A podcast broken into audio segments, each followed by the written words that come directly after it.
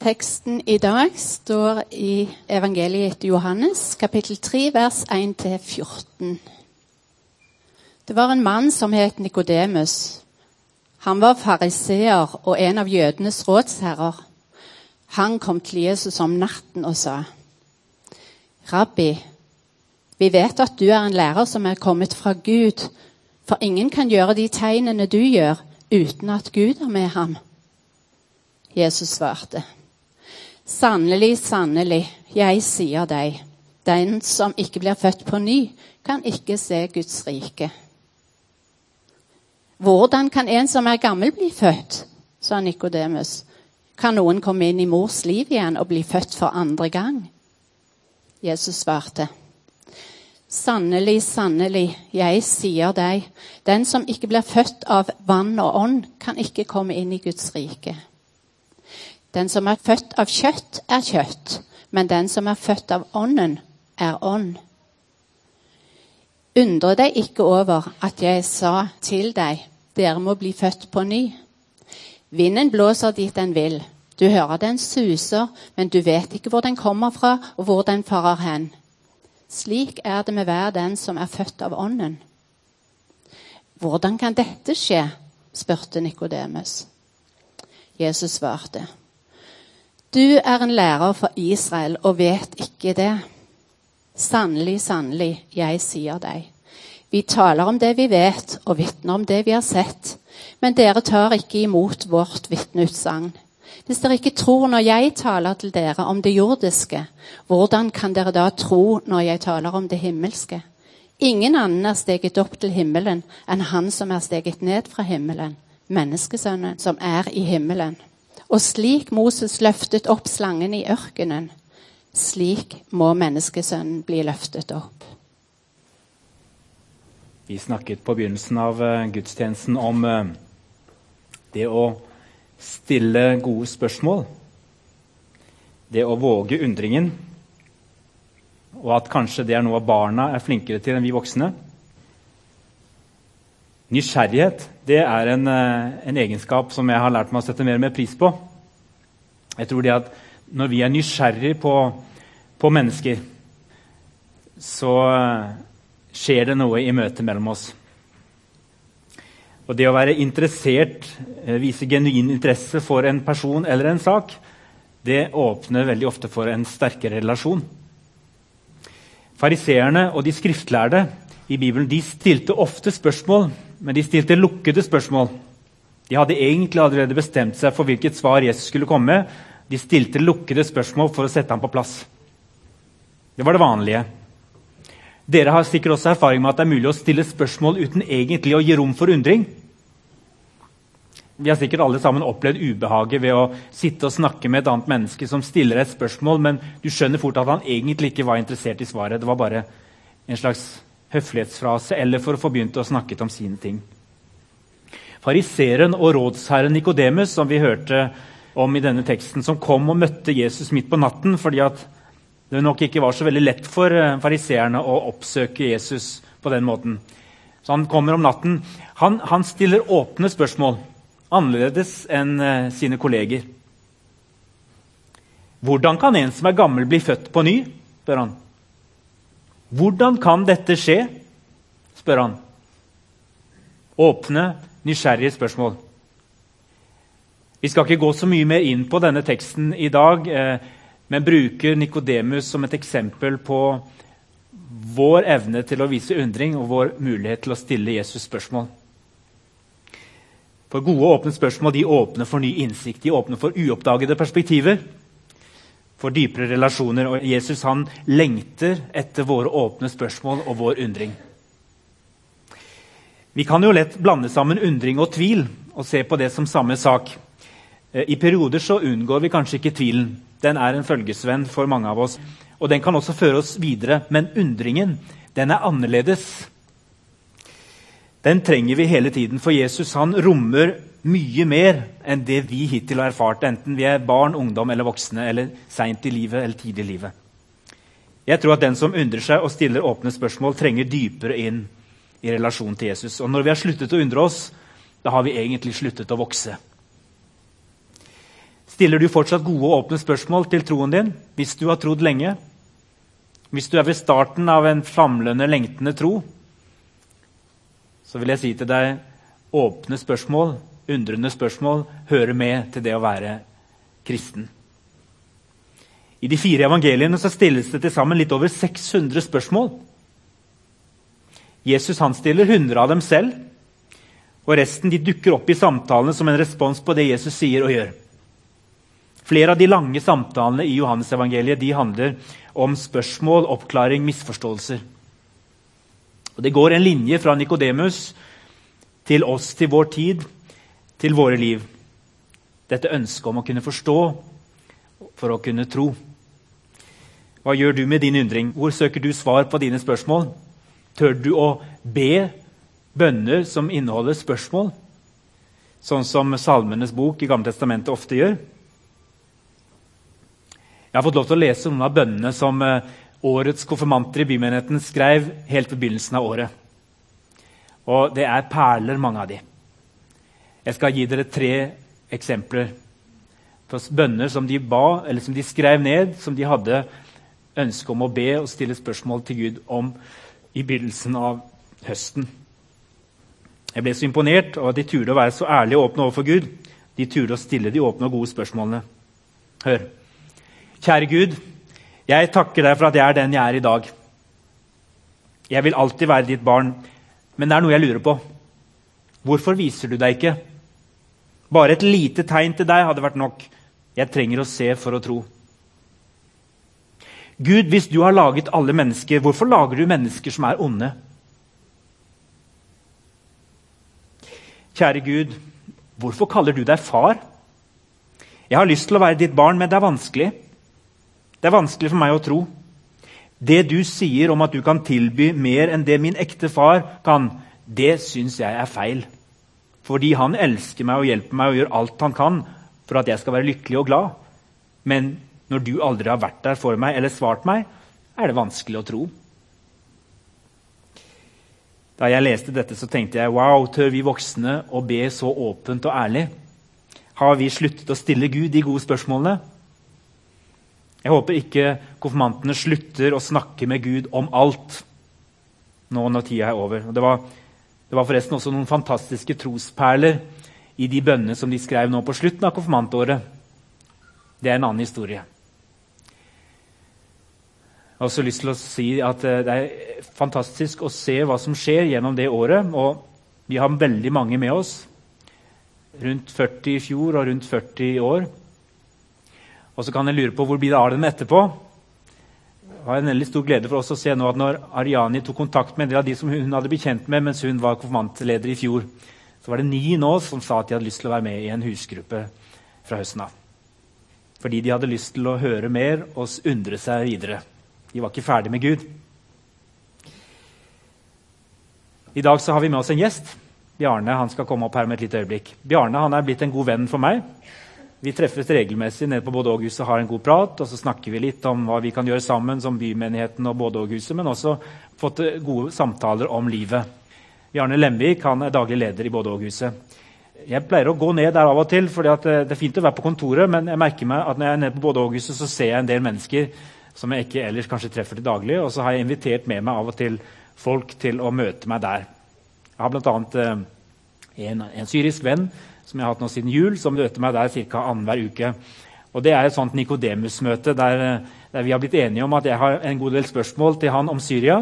Og han tegner og forklarer. Og så spør han meg en god del om verdier.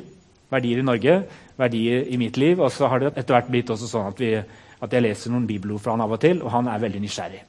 Det handler både Åghuset om.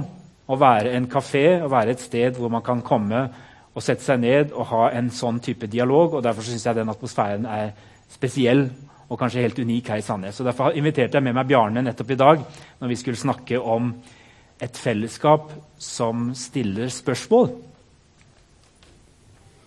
Bjarne, eh, Fortell litt kort om, eh, om deg sjøl, og hva, du, hva, som er din eh, hverdag nå.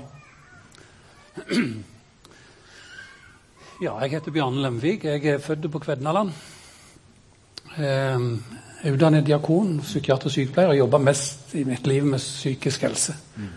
Men jeg har arbeidet litt i menighet, og jeg har nå vært daglig leder i både òg de fem siste årene. Jeg overtok etter Magne Todnem, som, som, sitter her, som har gjort et stort arbeid før jeg kom. Så har du gått en egen vei i forhold til dette her å være en troende som får lov til å stille gode spørsmål. Kan du si litt om det? Ja, jeg tror det er mange veier inn. Og jeg er nok en person eh, Jeg kunne godt tenkt meg å være annerledes enn det jeg er. Eh, jeg tumler med ting, og jeg går og tenker på ting, og jeg undrer meg over ting. Og jeg, eh, jeg ser, når jeg ser tilbake på den tida jeg har vært kristen, så har jeg hatt mange drivkrefter i trua mi. Det har vært både meninger, ting som jeg syns er viktig som er meninger, eller som er teologi, eller som er tankebygninger. Det har vært um, jeg, jeg er utdannet diakon. Jeg har nok en evne til å se noen mennesker merke hva de ønsker.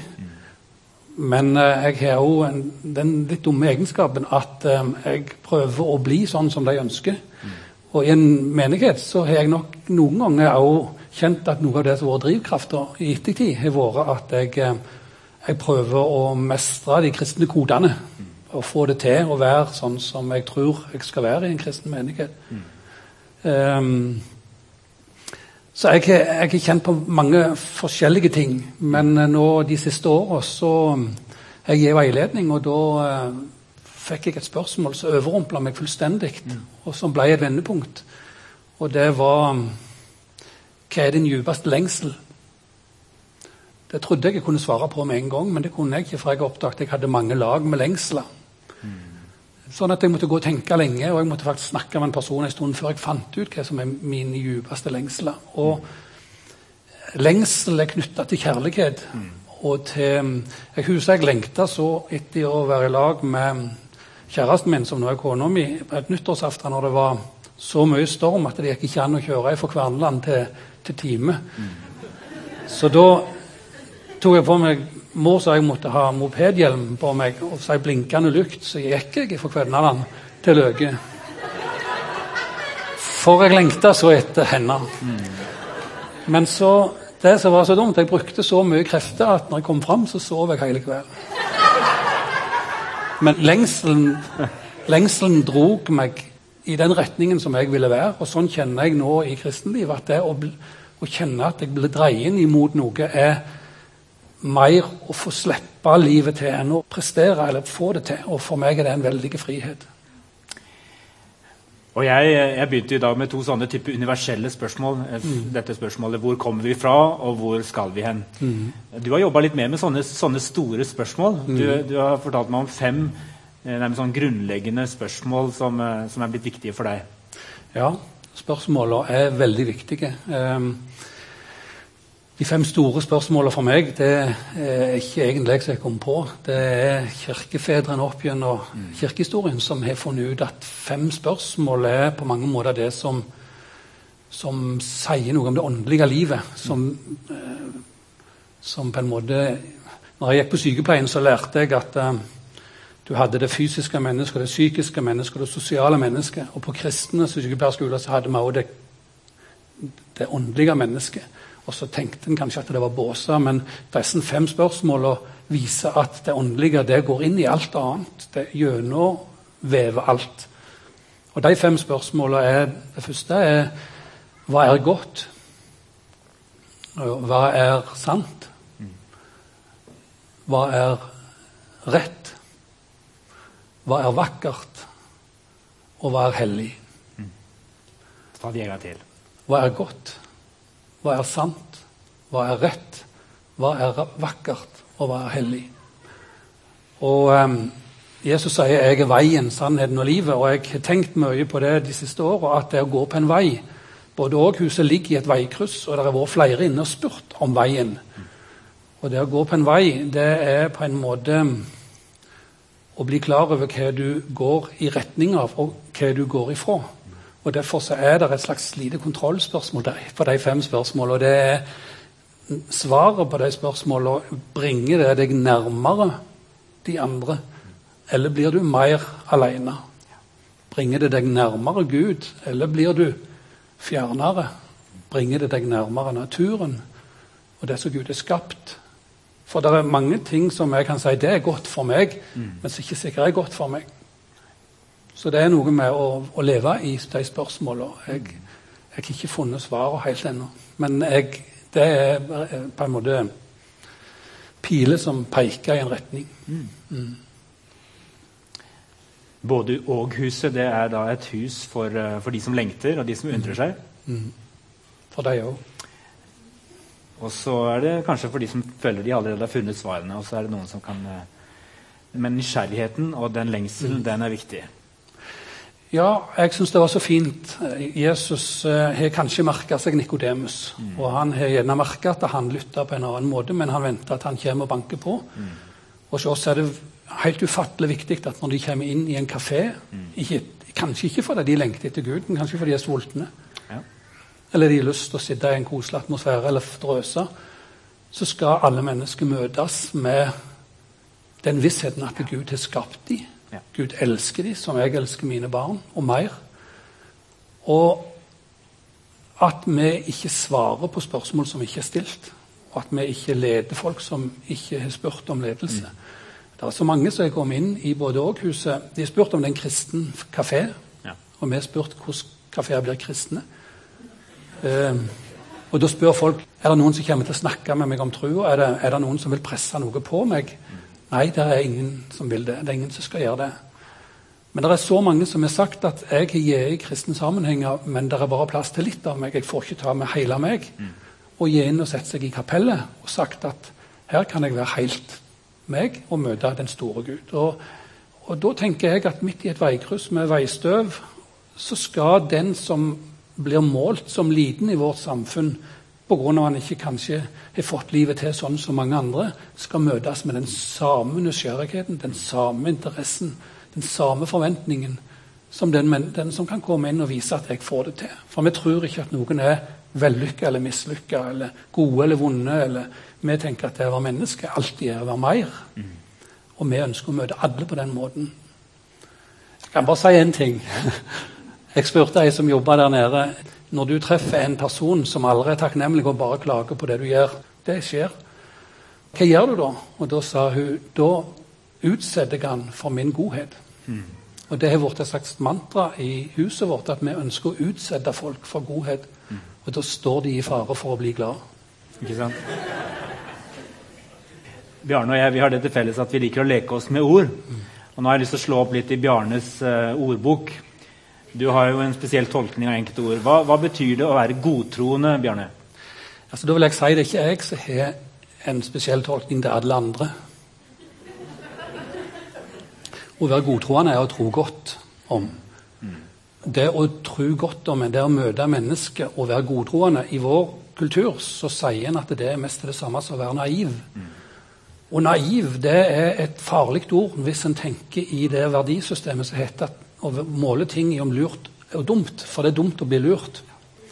Men hvis en tenker i rett og galt, så er det ikke så farlig når du blir lurt. Så det å tro godt om mennesket, det gjør at mennesket får en mulighet til å leve i en positiv forventning. Det er kona mi som har lært meg dette, for jeg, jeg, var så heldig at jeg gifta meg med ei som, som tror godt om meg. Og jeg har alltid fått leve i en atmosfære av eh, positiv forventning. Og da er det det er fantastisk godt å få utvikla seg der. Så vi ønsker å være godtruende. Men hva, Bjarne, hva betyr det da å være fundamentalist? Ja, fundamentalist betyr selvfølgelig å tro og, og, legge vekt på det som er fundamentalt i livet. Mm. Ja.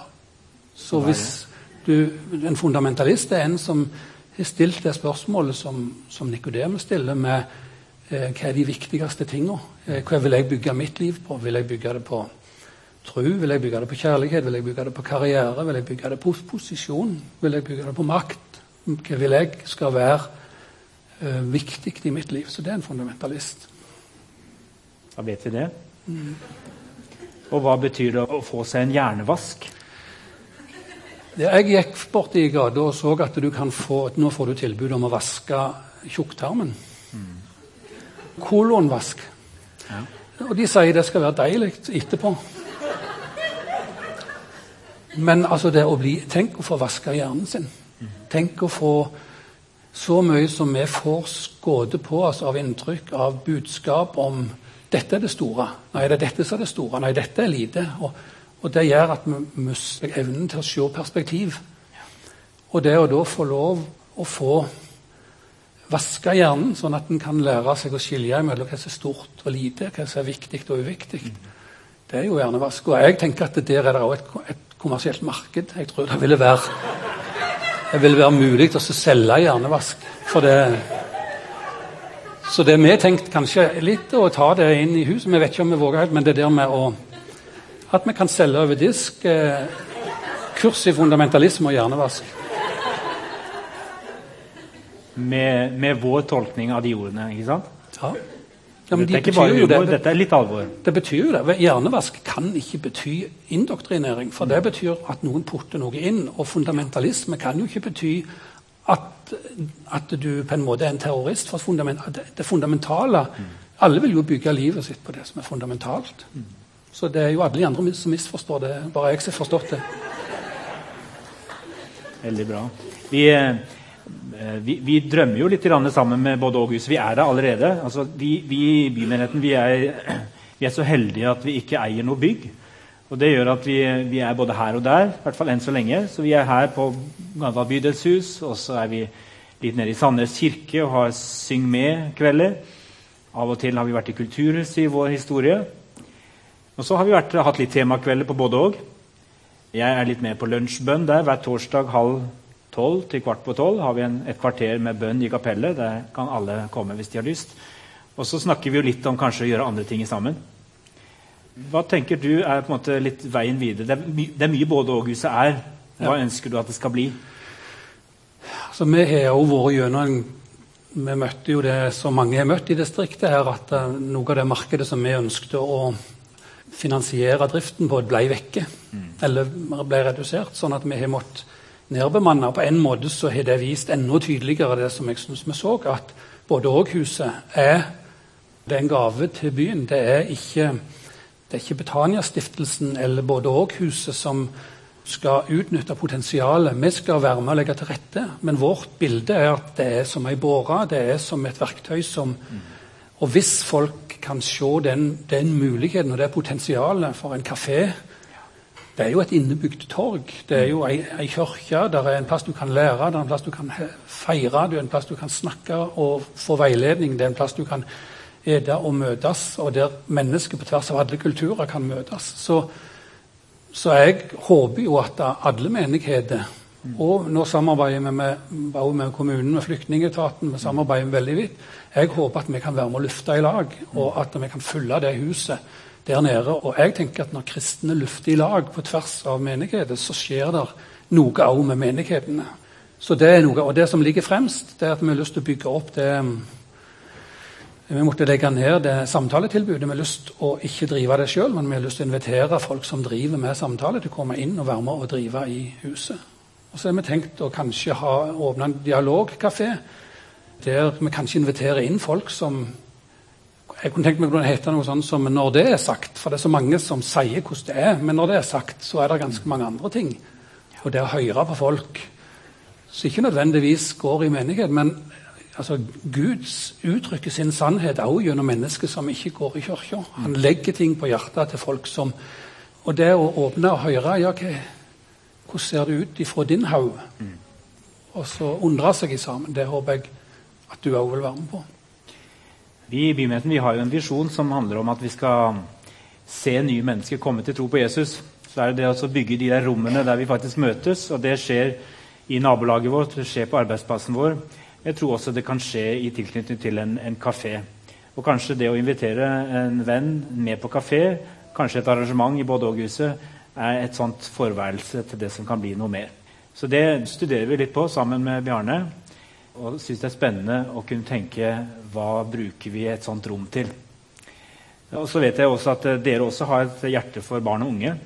Jeg tenker jo i dette spørsmålet jeg, jeg begynte med konfirmantene, og litt i forhold til dette med, med hva vi gjør, hvordan vi, hvordan vi, stiller oss sånn at barn og unge våger å spørre mens de ennå har spørsmålene, før de forsvinner helt bort fra oss. Det ligger meg på hjertet. Jeg tenker at Der det fins en plattform av gjensidig trygghet og tillit, der er det rom for både tydelighet, engasjement, kanskje også temperament fra vår side. Jeg tror ikke det er så farlig. De kan godt mene veldig mye. Men jeg tror at nøkkelen er at vi faktisk er der når vi ønsker å snakke med oss. At vi har tid, og at vi er til stede. For meg konkret så handler det om at jeg må være der når barna mine, ungdommene etter hvert i huset mitt, ønsker å stille spørsmål. Det er ikke sånn at de er i modus hele tida. Det er sånne gulløyeblikk plutselig der de har kommet hjem og har opplevd et eller annet, og så kommer plutselig et spørsmål litt sånn ut av det blå, som jeg skjønner er litt dypere og handler om en dypere refleksjon. Og Hvis jeg da er så travel at jeg springer videre og ikke har skjønt at her hadde jeg et øyeblikk der vi kunne fått en verdifull samtale, så har jeg kanskje gått glipp av noe. Det tenker jeg også, ikke bare om oss som familie, men også om oss som menighet. Om vi kunne være et sånt sted som eh, legger til rette for Nikodemus-samtalene. Mange spør hvem er både og-huset for. og Det er noe av det vanskeligste av alt, for det, vi er for alle. Og så er det noen som sier hvis du sier du er for alle, så er du for ingen. Mm.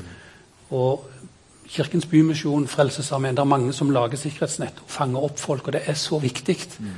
Men det at folk som er blitt fanget opp, de, noen kan få lov å gå en plass der alle kan gå, en, altså det å lage møteplasser der alle egentlig kan møtes, det ønsker vi veldig sterkt. Byprestene sier at når folk med rusavhengighet nærmer seg samfunnet, så er det den første plassen de går.